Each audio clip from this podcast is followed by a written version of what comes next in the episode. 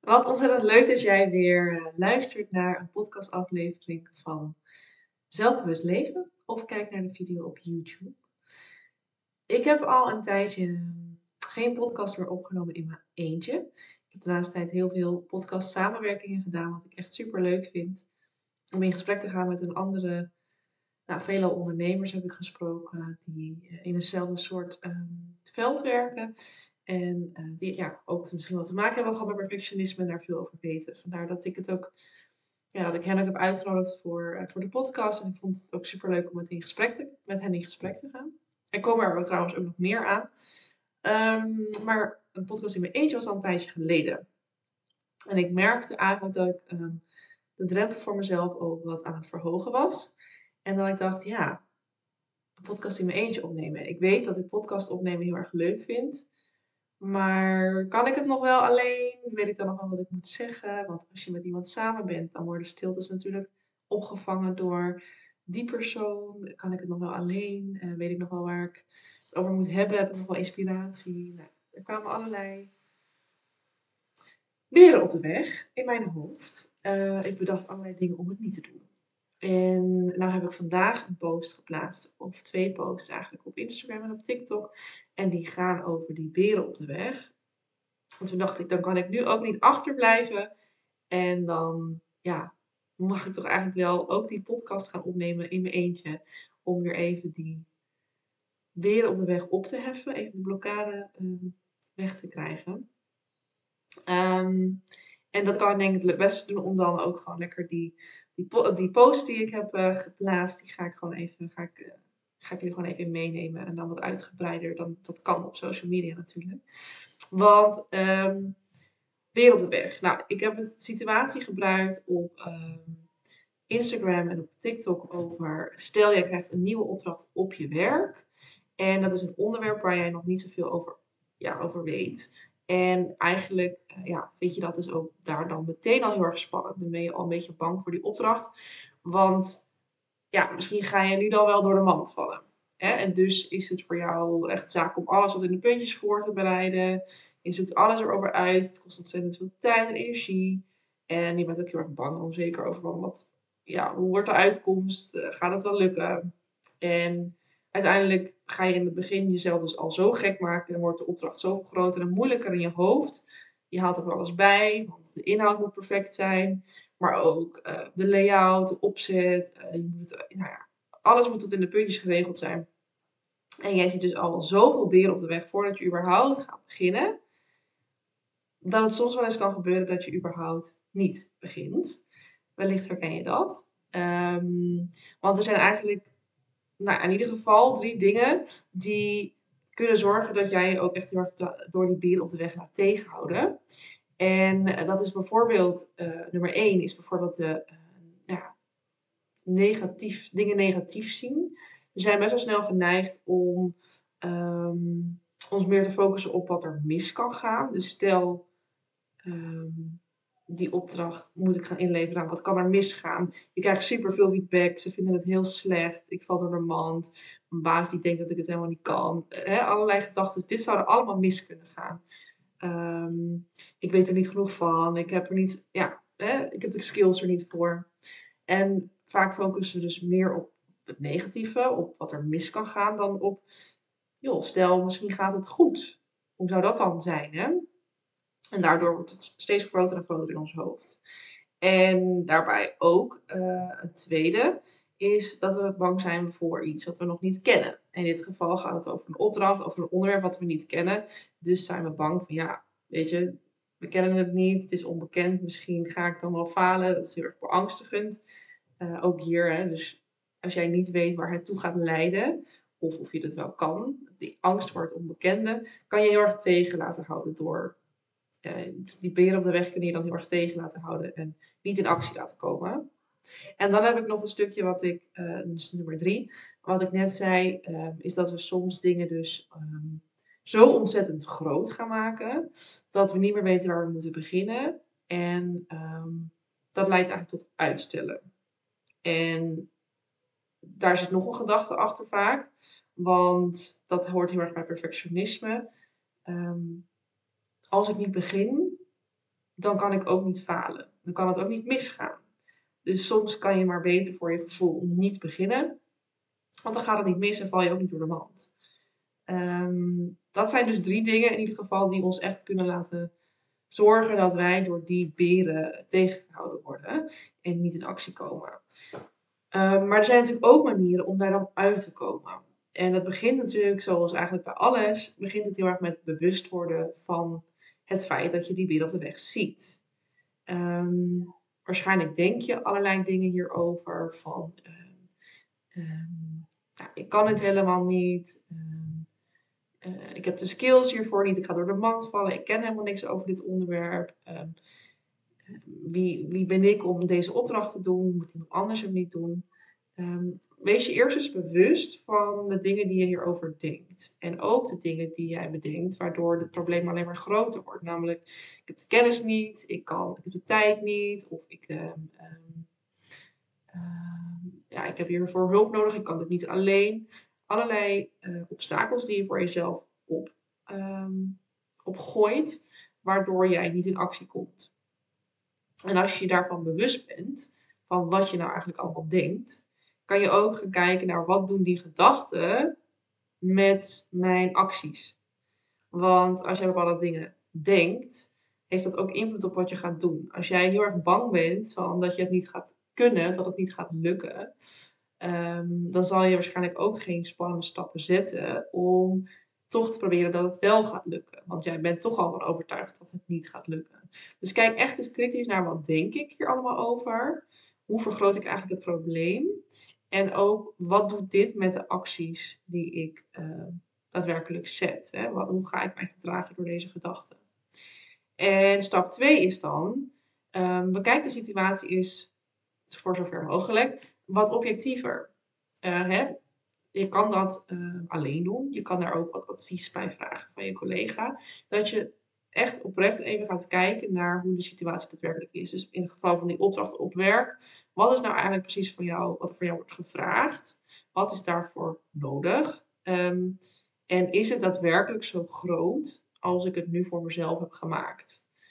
Uh, zoals ik zeg, meestal halen we er van alles bij, wat uiteindelijk helemaal niet per se nodig is voor de opdracht die we daadwerkelijk hebben gekregen. En het is dus een beetje relativeren. En dat is um, soms voor heel erg lastig om zelf te zien, omdat je er middenin zit. Vandaar dat het ook kan helpen om bijvoorbeeld een collega daar even bij te vragen van, heb ik het nou goed? Is dit de opdracht? En wat is daar eigenlijk voor nodig? Misschien kan je het zelfs wel samen in kaart brengen. En dan kom ik eigenlijk al een beetje bij stap 3. En dat is um, voor die opdracht die je dan hebt, of hè, dit is een voorbeeld, maar misschien is het een andere situatie bij jou, um, breng nou eens precies in kaart wat je moet doen. En vaak doen we dat heel grof en heel um, globaal, zeg maar. Maar probeer het dus echt eens gedetailleerd te doen. Dus um, echt de allerkleinste stappen. Dus in het geval van een nieuwe opdracht waar je nog niet zoveel van weet, Um, dan begin je bijvoorbeeld met uh, wat meer opzoeken, informatie opzoeken over het onderwerp, zodat je er wat meer over, over gaat leren. Je gaat misschien beginnen met hoe um, wil ik te werk gaan. Dus je gaat bijvoorbeeld een werkwijze voor jezelf bepalen. Je wil misschien ook wel uh, alvast een kleine opzet maken uh, met wat steekwoorden. Um, vervolgens wil je misschien per steekwoord het gaan uitwerken. En dan zorgen dat alle uitgewerkte stukjes goed aan elkaar gelinkt worden. Zo heb je dus verschillende stappen. En al die stappen kan je voor jezelf eens in kaart brengen en uitwerken. En dus echt ook de kleine details die je moet doen. En vervolgens kan je jezelf um, afvragen van welke stap is misschien spannend of vind ik misschien lastig of is uit mijn comfortzone, maar kan ik al wel doen.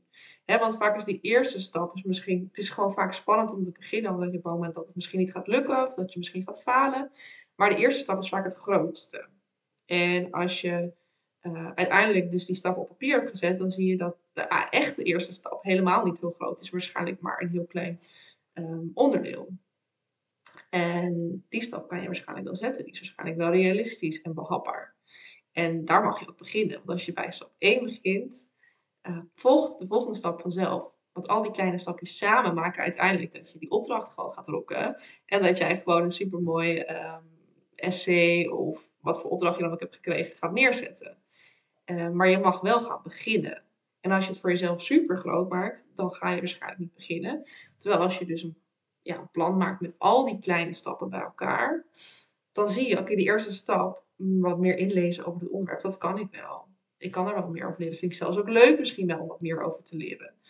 En die tweede stap is dan om wat steekwoorden op te schrijven uit de stukken die ik heb geleerd, waar ik ook wat mee kan. Nou, dat klinkt ook nog wel behapbaar misschien. Hè? Dus op die manier kan je voor jezelf um, nou ja, kleine stappen bepalen die ook haalbaar voelen. Want er zullen ook de stappen zijn, dat zei ik net al, die misschien buiten je comfortzone liggen. Die je misschien wel spannend vindt. En dat is oké. Ik zeg altijd dat er een soort uh, drie zones zijn. Dus dan heb je de comfortzone. En daaromheen zit een soort stretchzone. En daar, daarna zit dan de paniekzone. En als jij een spannende stap kan zetten, gaat zetten buiten je comfortzone, dan raad ik je aan om in die stretchzone te blijven. Um, wat dat betekent is dat het best wel spannend kan zijn, alleen spannend, maar wel behapbaar voelend. Snap je wat ik bedoel? Dus um, ik vind het spannend, maar ik denk wel dat ik dit kan. Of ik vind het spannend, maar het voelt wel realistisch om dit te gaan doen. Of ik wil dit wel graag. Maar niet spannend, zodanig spannend dat ik eigenlijk denk dat ik moet overgeven, misselijk word en nou ja, er echt al een brok van in mijn keel of een steen in mijn maag krijg als ik eraan denk. Want dan schiet je dus een soort van door, niet naar die stretchzone, maar naar die paniekzone.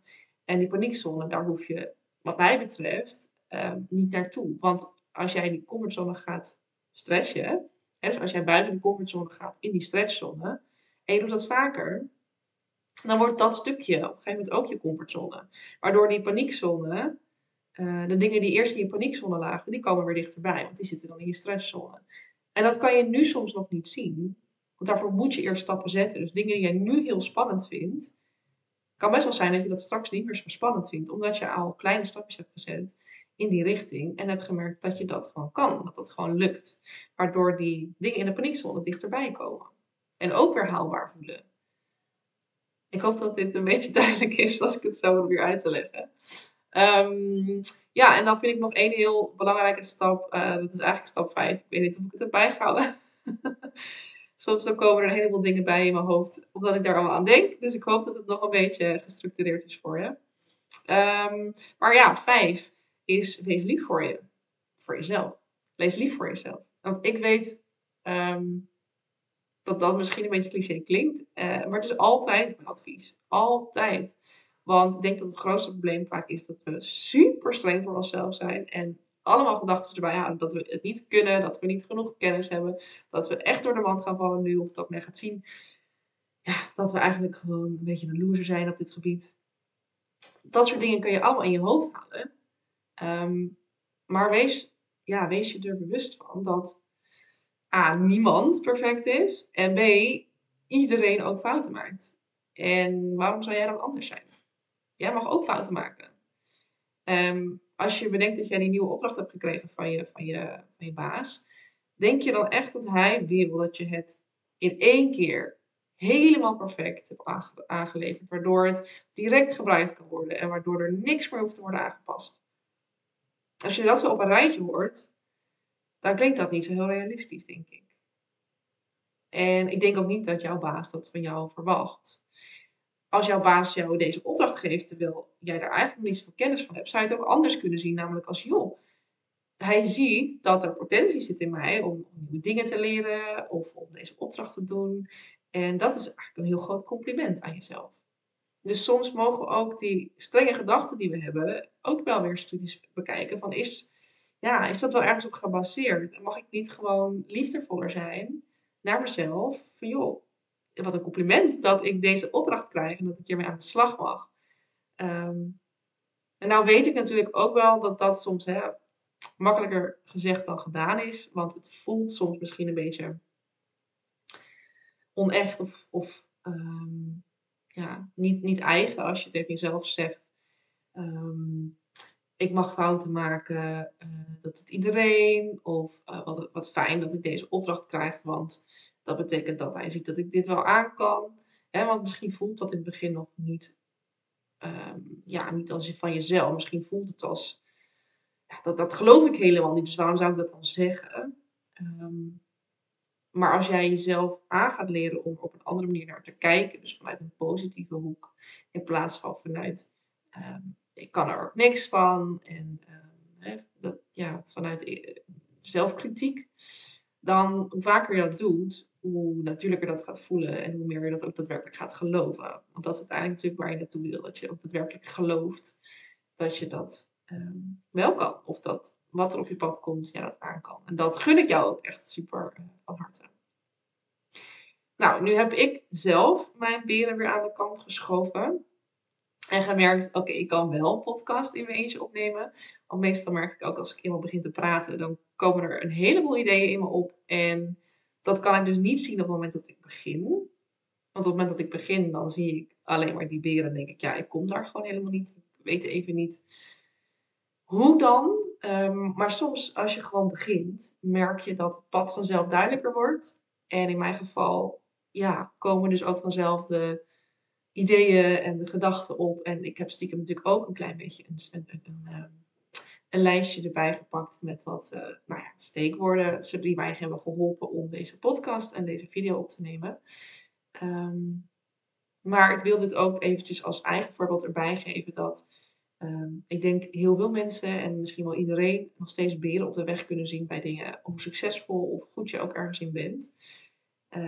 Het is meer de zaak, hoe ga je ermee om? En hoe ga je ondanks die onzekerheden, twijfels en die beer op de weg, toch die stappen zetten om die opdracht te voltooien of iets te doen wat je spannend vindt, maar wel heel graag, spannend vindt, maar wel heel graag wilt.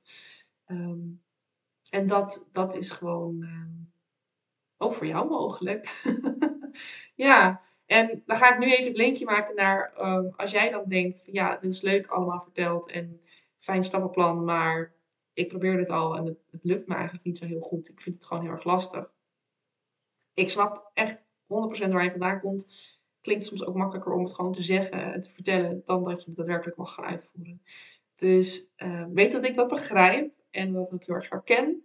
En weet ook dat je het niet alleen hoeft te doen. Je mag het natuurlijk uh, in je eigen kringen navragen of mensen je daarmee kunnen helpen bij je vrienden, je familie. Maar weet ook dat ik er voor je ben en dat je altijd een uh, gratis sparsessie kan aanvragen. Ik zal in de show notes even het linkje zetten naar de pagina om de gratis sparsessie aan te vragen. En in dat geval, als je dat leuk vindt of als je dat fijn zou vinden, dan gaan we samen kijken naar een situatie waar jij tegenaan loopt, waar jij jezelf in laat tegenhouden, en heel veel beren op de weg ziet en eigenlijk niet zo goed weet um, hoe je daar doorheen kan breken. We gaan samen kijken naar wat voor gedachten heb je erover en hoe houdt het jou dan tegen en wat, waardoor, wat voor acties doe je daardoor niet die je eigenlijk misschien wel zou willen. En wat kan je al wel doen op dit moment wat in je comfort, nou ja, een beetje net uit je comfortzone is, hè, in die stresszone, wat spannend voelt, maar wat wel haalbaar voelt. Dus welke eerste stap kan jij nu al zetten? En ik help je daar heel graag mee in die gratis sparsessie. Dus mocht jij uh, denken, nou, dit, dit staat helemaal op mij en ik, uh, ja, ik, ik, ik weet even niet hoe ik hier zelf uitkom, meld je dan aan en dan zie ik jou gewoon uh, binnenkort. En uh, dan plannen we een gratis sparsessie in. En dan bij deze ga ik de video en de podcast afsluiten. Ik vind het super leuk dat je weer hebt geluisterd. En mocht je deze podcast nou waarderen, dan zou ik het super fijn vinden als je op Spotify een review wil achterlaten door een aantal sterren aan te geven. En um, ik weet eigenlijk niet of je op YouTube ook een soort review kan achterlaten, maar ik denk sowieso een reactie. Dus mocht je dat uh, ja, willen, mocht je dit waarderen, deze uh, content, dan uh, zou ik dat super leuk vinden. En staat je vrij natuurlijk om het ook te, delen met vrienden die hier misschien ook wat aan hebben. Of uh, ja, zou ik in ieder geval super fijn vinden, omdat ik heel graag mijn boodschap um, ja, zoveel mogelijk wil verspreiden. Um, ja, nou, dus ik wens je nog een hele fijne dag, middag, avond, wanneer je het ook luistert. En tot de volgende aflevering.